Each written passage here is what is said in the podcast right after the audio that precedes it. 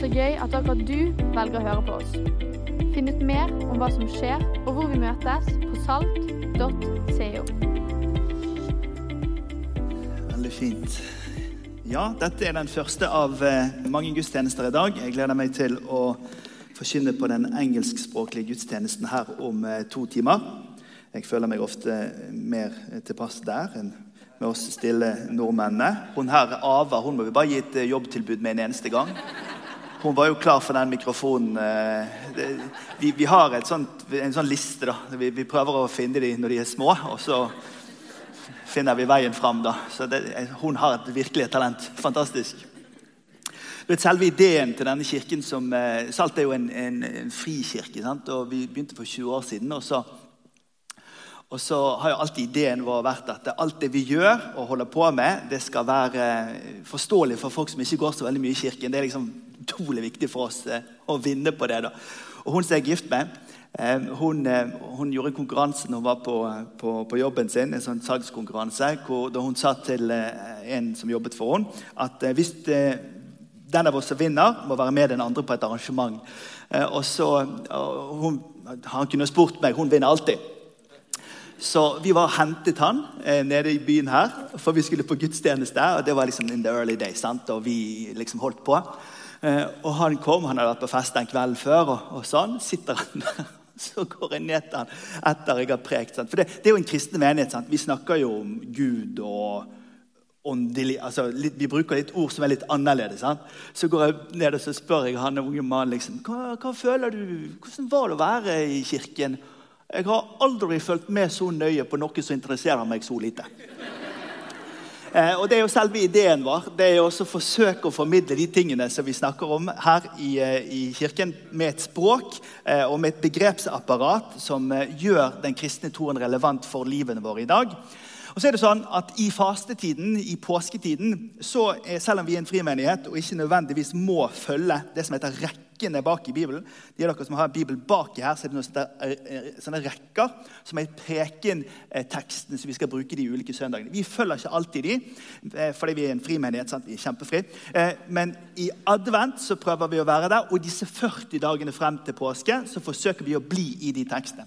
Og Det som er litt sånn spesielt med det, det er at det utfordrer oss til å snakke om en del ting som vi nødvendigvis ikke alltid vil snakke om. Så det blir litt mye sånn djevelen og sånn her i dag. Så det får dere bare holde dere fast med. De som er gjester her, tenkte jeg var på besøk i Salt, og der snakket de bare om han djevelen. Det gjør vi vanligvis ikke. Vi gjør det litt i dag. Går det greit? Det var, det, var, det, var en, det rusmisbruker som akkurat hadde blitt kristen. og så skulle han, Familien var helt i sjokk fordi han hadde akkurat blitt kristen og kom til tro. Og så sa han Everyone, close your eyes. We're gonna pray. Devil, Stay away from my family. Og da, altså Poenget er at du ber jo ikke til djevelen, men du, du forholder deg til ham. Ok, Nå tar vi manus. Går det greit? 40 dager fram til påske så er det da fastetiden. Sammen med kristne over hele verden så er fastetiden i sin eh, temarekke eh, preget av i den første delen av fasen eh, kampen mellom det onde og det gode.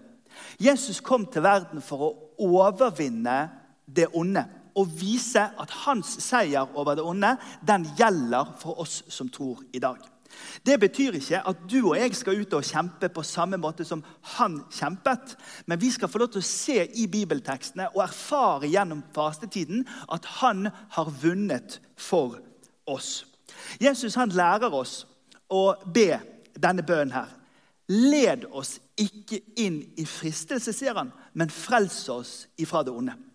Fristelse det er det som forsøker å dra oss bort fra Guds gode vilje for livene våre. Og det er det jeg har lyst til å snakke med deg om her i dag. Jeg skal snakke om den fortellingen fra ørkenen, og så skal jeg snakke om hvordan du og jeg kan lære av Jesus å overvinne det onde i livene våre. Fristelser de kommer ofte til oss når vi er på det svakeste.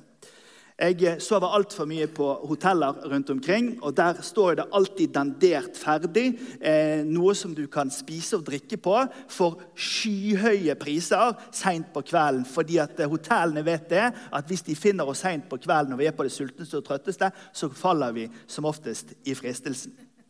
Andre fristelser som vi kan falle i, er jo det som eh, Apple har lagt inn i telefonen vår. Den slumreknappen. Det er jo en fristelse som mange i dette rommet nok har falt i. Fristelse dere, det kan også være av det mer alvorlige slaget. Fristelsen av å ønske at nå gir jeg bare opp.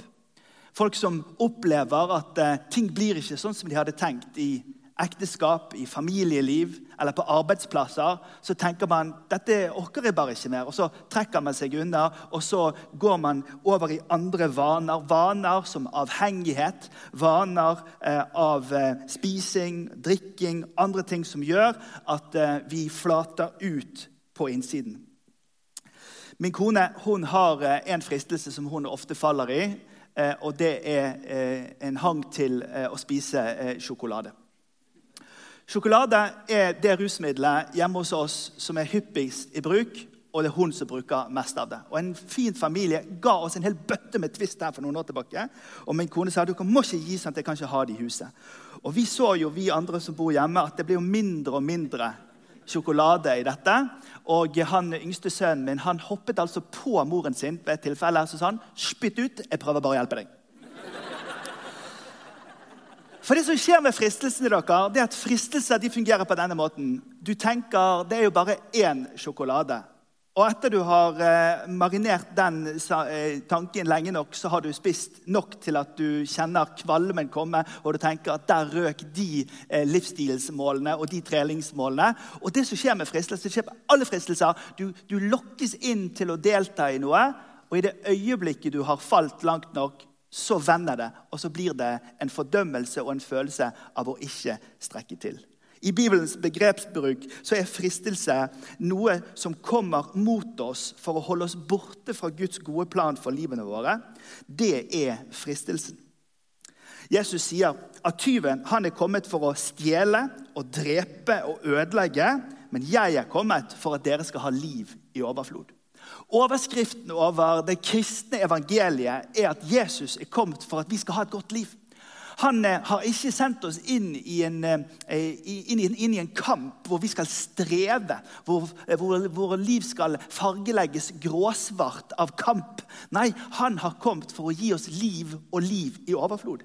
Og Det å gripe evangeliets sannhet, at han har gjort dette for oss, det er fastetidens hovedtema. At vi skal forstå det at han har kjempet, så at vi skal få lov til å oppleve at den seieren han har vunnet for oss, den gjelder våre liv. Fristelse det kan komme utenfra, og fristelse kan komme innenfra. Og For meg var det en øyeåpner at jeg kan ikke bare skylde på det som er eksternt. For det står i Jakobs brev alle blir fristet av sitt, av, eh, alle blir fristet, fristet av sitt eget begjær, som lokker og drar. Når lysten blir svanger, eh, føder den synd, og synden er moden, ja, så føder den død. Litt av en eh, bibeltekst å lese på barnevelsignelsessøndagen. Men poenget er dette at eh, vi har i oss en falen natur som gjør at om vi ikke passer på, så kan vi også bare gi etter for det som vi har lyst til, og det er imot Guds gode vilje for livene våre. Og Så tar vi det siste djevelverset her nå, før vi kommer inn i hovedteksten. Så ikke Satan skal få bedra oss, for vi vet jo hva han har i sinne, sier Paulus til korinterne. I fastetidens første del leser vi og i kirker verden over at det er en reell kamp mellom det onde og det gode. Og Slagmarken er ofte vårt indre liv, men Jesus viser oss en vei til hvordan vi kan leve i dette. Og det gjør han i den teksten som vår barnepar og familiepastor Mari her eh, refererte til. Eh, ørkenvandringen og ørkenfasten. Vi leser sammen fra Matteus kapittel 4.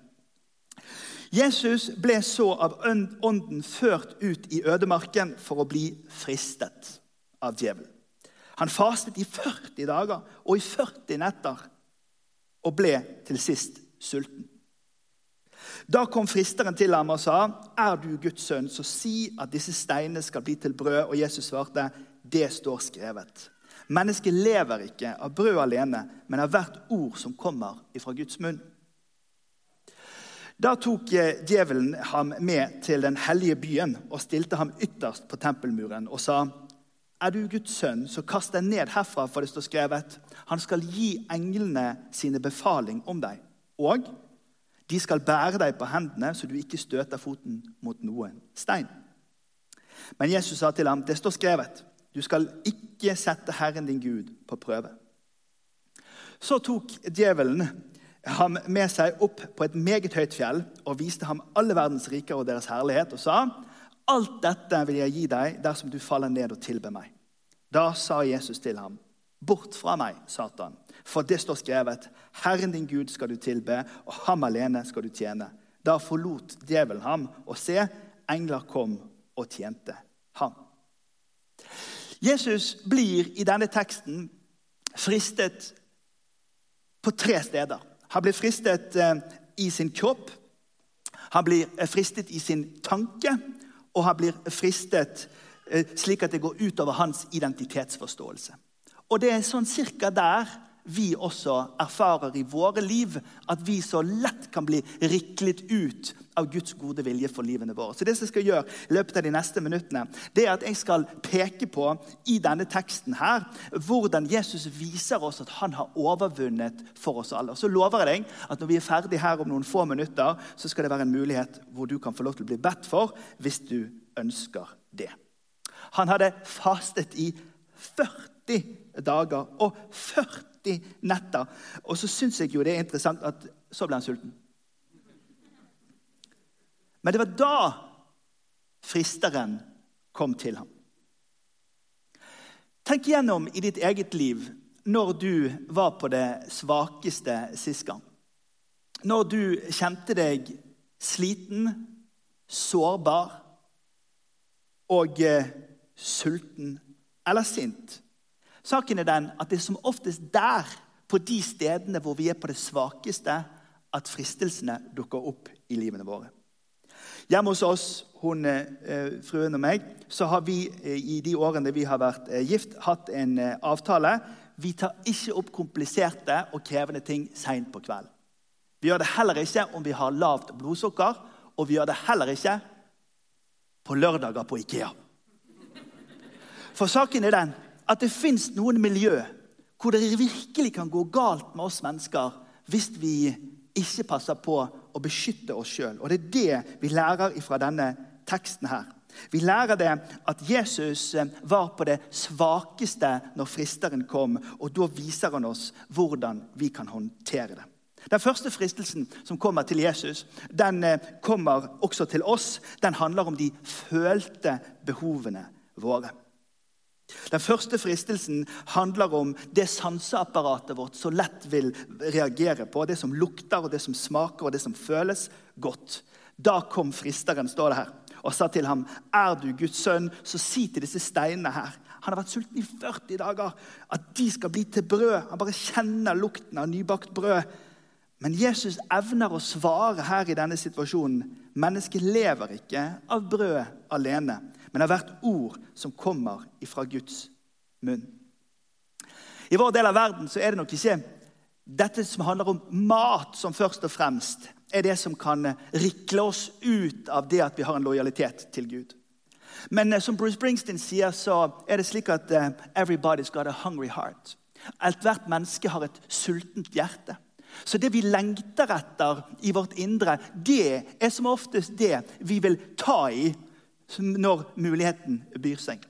Jeg har ledet eh, ungdom eh, og unge voksne her i Bergen nå i over eh, 24 år og har truffet enormt med unge voksne eh, som er i situasjoner hvor eh, de har opplevd at eh, gruppepresset på, i russetiden ble så stort at eh, de gjorde ting som de ikke hadde indre dekning for. Eller som opplevde det at lengselen etter å bli bekreftet for sitt utseende eller for den de er, gjorde at de kompromisset med det de har indre dekning for.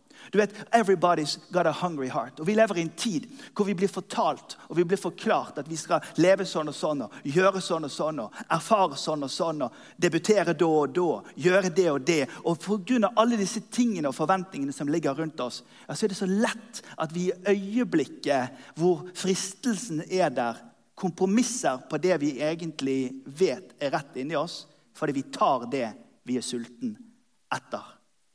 Denne teksten lærer Jesus oss at det er mulig å lage en buffer mellom det vi vil ha nå, og å holde fast på de ordene som kan være et løfte for oss. I ørkenen av ensomhet, i ørkenen av mangel på kjærlighet, i ørkenen av knuste drømmer, så er det mulig å bare gi etter i øyeblikket. Men Jesus lærer oss at et menneske lever ikke bare av brød alene, men ethvert ord som går ut fra Herrens munn. Det er mulig å legge inn en buffer mellom det jeg trenger og kjenner, og det som Gud lover i sitt ord at vi kan få om litt tid. Den første fristelsen handler om det følte behovet. Den andre fristelsen det handler om tankene våre. Da tok djevelen ham med til den hellige byen og stilte ham ytterst på tempelmuren. Og så sa han, 'Er du Guds sønn, så kast deg ned herfra.' For det står skrevet, 'Han skal gi englene sine befaling om deg.' Og de skal bære deg på hendene, så du ikke støter foten din imot noen stein. Men Jesus han svarte, 'Det står skrevet:" Du skal ikke sette Herren din Gud på prøve. I vår tid så eh, erfarer vi at eh, eh, den kristne troen på mange måter i vår del av verden har blitt noe utflatet. Overskriften over kristen tro i Norden og i Norge det er at Gud ja, han er alltid kjærlighet. og Gud han tilgir alltid, og det er alltid nåde nok for alle. Og det tror vi på. Problemet er bare det at hvis vi ender opp med å leve våre liv med garantien av at det spiller jo ingen rolle hvordan jeg lever livet mitt fordi Gud tilgir meg likevel, ja, hvor blir det da av muligheten til å gjøre gode og riktige, velinformerte valg som bringer oss et godt liv? Sør i Amerika, i Alabama i Appalachian Mountains, så fins det noen menigheter som eh, driver og holder i slanger og drikker dødelig gift for å bevise at Gud alltid passer på dem. Det er ko-ko. Og Grunnen til at det er ko-ko, det er det at man setter Gud på prøve. Og saken er den at Vi også kan risikere å sette Gud på prøve hvis vi ikke lytter til den gode veiledningen som han gir oss. De lange linjene om at det er faktisk bra å si ja til dette. Fordi at Hvis du evner å si ja til dette, ja, så kan du si nei til dette. Og det blir da et godt liv for deg over tid. Den andre fristelsen den handler om eh, tankene våre. Den tredje fristelsen den handler om identiteten vår. Så tok djevelen ham med opp på et meget høyt fjell og viste ham alle verdens riker og deres herlighet. Og så sa han, 'Alt dette vil jeg gi deg dersom du faller ned og tilber meg.' Da sa Jesus til ham, 'Bort fra meg, Satan, for det står skrevet:" 'Herren din Gud skal du tilbe, Han alene skal du tjene.' Jesus blir i dette øyeblikket tilbudt muligheten av å slippe å lide korset og slippe å bli sendt til dødsriket i tre dager. Han blir tilbudt at han skal få lov til å fullføre alt uten å betale prisen for det. Kampen i dette øyeblikket står om identiteten som Jesus har, og det står faktisk også om identiteten som du og jeg har. Du vet, Det går an å miste sin sjel, men vinne hele verden. Det går an å vinne hele verden, men tape det man har indre dekning for. Når guttene mine var yngre, så sa jeg til dem at eh, en dag om noen år så kommer det til å komme en veldig kul fyr som du liker, og som du ønsker å bli likt av. Og den kule fyren kommer til å tilby deg å kjøpe dop. Da skal du si nei med en gang. Fordi greien er den at De som skal selge deg dop, kommer ikke til å si det én gang. De kommer til å spørre to ganger, og de kommer garantert til å si det er ikke så farlig å prøve litt. Den gangen skal dere si nei med en gang. Og Så kom en av de til meg og sa det som du sa, pappa, det skjedde. Og jeg sa nei. Hva hjelper det om du vinner hele verden, men taper den du egentlig er. Du vet, På jobben din eller i arbeidslivet, når du får tilbud om en eh, lønnsøkning eller en arbeidsoppgave som du bare kjenner det er så utrolig attraktivt å gjøre det, men vi hadde jo egentlig en avtale hjemme at akkurat disse årene når ungene er små, så skal ikke vi jobbe så mye reise og så mange timer fordi vi skal ha verdi for hjemmesituasjonen istedenfor. Men så sier man ja og kompromisser med det man egentlig vet man vil oppnå fordi at man ønsker å få det som gir en umiddelbar tilfredsstillelse.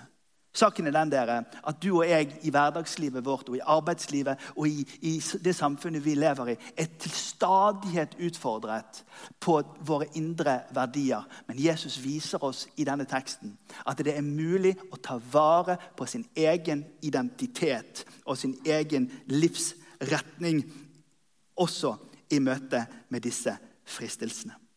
Så hvordan er det vi vinner? Jesus viser oss i denne teksten på en klinkende klar måte at strategien er enkel. Hver gang Jesus får en fristelse, så svarer han 'det står skrevet'. I vers 4 og i vers 7 og i vers 10 så sier han 'det står skrevet'. Og Paulus skriver til menigheten i Efesus i kapittel 6 om at alle vi vi lever et liv i en kamp.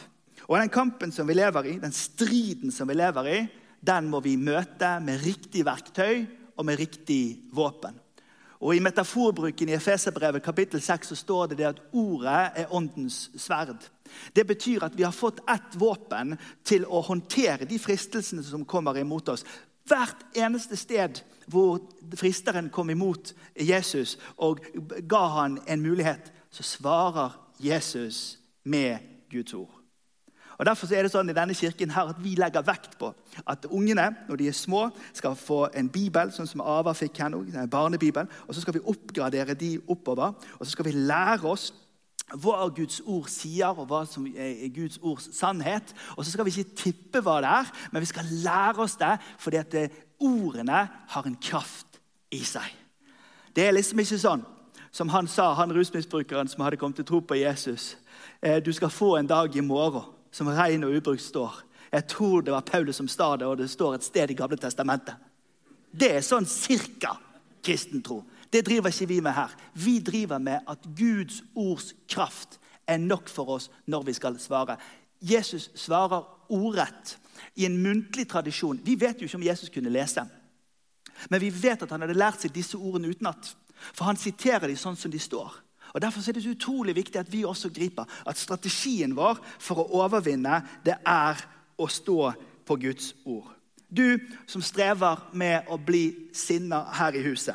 Du kan ta tak i det bibelverset som sier Kle dere derfor med inderlig medfølelse og vær gode og milde og ydmyke og tålmodige, så dere bærer over med hverandre.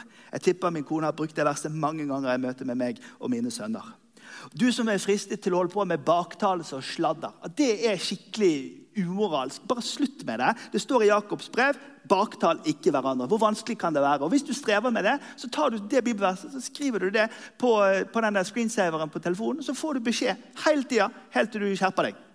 Fordi at, det, fordi at det, Den beste måten å endre seg på, det er å ta tak i et ord som det går an å holde på. Eh, og som, Du som opplever at du er gjerrig og tenk at de driver og samler inn penger i denne kirken. Vi må samle inn litt penger, for vi har så sykt med strømregninger her. Det står et herlig bibelvers i Ordspråksboken kapittel 11. Én strør ut og får mye igjen. En annen er gjerrig og ender opp i fattigdom. For vi tror at Gud velsigner oss. Jesus han ble som meg og deg for å gjøre alt for oss. When Satan knocks on the door, answer with Jesus. Du skal ikke få det til. Du skal ikke 40 dager i ørkenen uten mat og drikke. Han har fastet og seiret for oss. Det står i Hebreerbrevet kapittel 2. Fordi han selv led og ble fristet, kan han hjelpe dem som blir fristet. Det er ikke slik at vi går inn i fastetiden og fram til påsketiden fordi at vi skal ase oss opp for å klare dette sjøl. Vi skal minnes om at han har gjort det for oss. Dere har ikke møtt noen overmenneskelig fristelse. Gud han er trofast. Han vil ikke la dere bli fristet over evne. Nei, når dere blir fristet, vil han vise dere en utvei, slik at dere kan holde ut. Fram til påske skal vi minnes om, at vi lever i en åndelig virkelighet. I en kamp mellom det gode og det onde. Jeg er et sekulært menneske, jeg tror ikke på det onde. Ok, god jul. Saken er den at Rundt oss så er det så mye ondskap. Og Vi trenger ikke forholde oss til alt som skjer i Ukraina og på Gazastripen, men vi kan forholde oss til den indre kampen i livene våre. Og Fram til påske så minnes vi om at i kampen mot det som er ondt, så har vi en som har seiret for oss. Og Hans navn er Jesus, og han har gjort dette for at vi skal få lov til å ta del i hans seier for oss. Skal vi reise oss opp, og så ber vi i sammen. Herre Jesus, vi takker deg for at du har overvunnet det onde. Takk, Jesus, at ved din død og oppstandelse på Golgata så er dødens makt brutt. Og du har åpnet opp en ny og levende vei for alle mennesker. Herre, takk at den kristne troens kjerne er denne relasjonen til deg, du som har gjort alt dette for oss. Takk, Herre, at du lærer oss hvordan vi skal leve. Takk at du lærer oss hvordan vi skal overvinne fristelse. Takk at du lærer oss å gjøre gode valg. Men takk også, Herre, at når det går i stykker for oss, så ordner du alltid opp og setter oss tilbake igjen på sporet. Men jeg ber for gutter og jenter, menn og kvinner, unge og eldre, Herre, i dette rommet. Jeg ber, Herre, Lær oss å leve våre liv. Led oss ikke inn i fristelse, men frels oss ifra det onde. For dette riket er ditt, og makten og æren den er din. Vi takker deg for det i Jesu navn. Amen. Det som skjer i liturgien her nå, det er at nå synger de litt. En og en halv sang. Og så blir det forbønn her borte for de som ønsker det. Og så runder vi av her om noen få minutter. Men hvis det er noen som er syk i kroppen sin, eller har andre behov som de ønsker å bli bedt for, så vil det være mulighet her borte nå. Noen få minutter til, og så er gudstjenesten eh, over. Takk. Takk for at du hørte på. Håper vi snakkes enten her eller i kirken neste søndag. Ha en nydelig uke.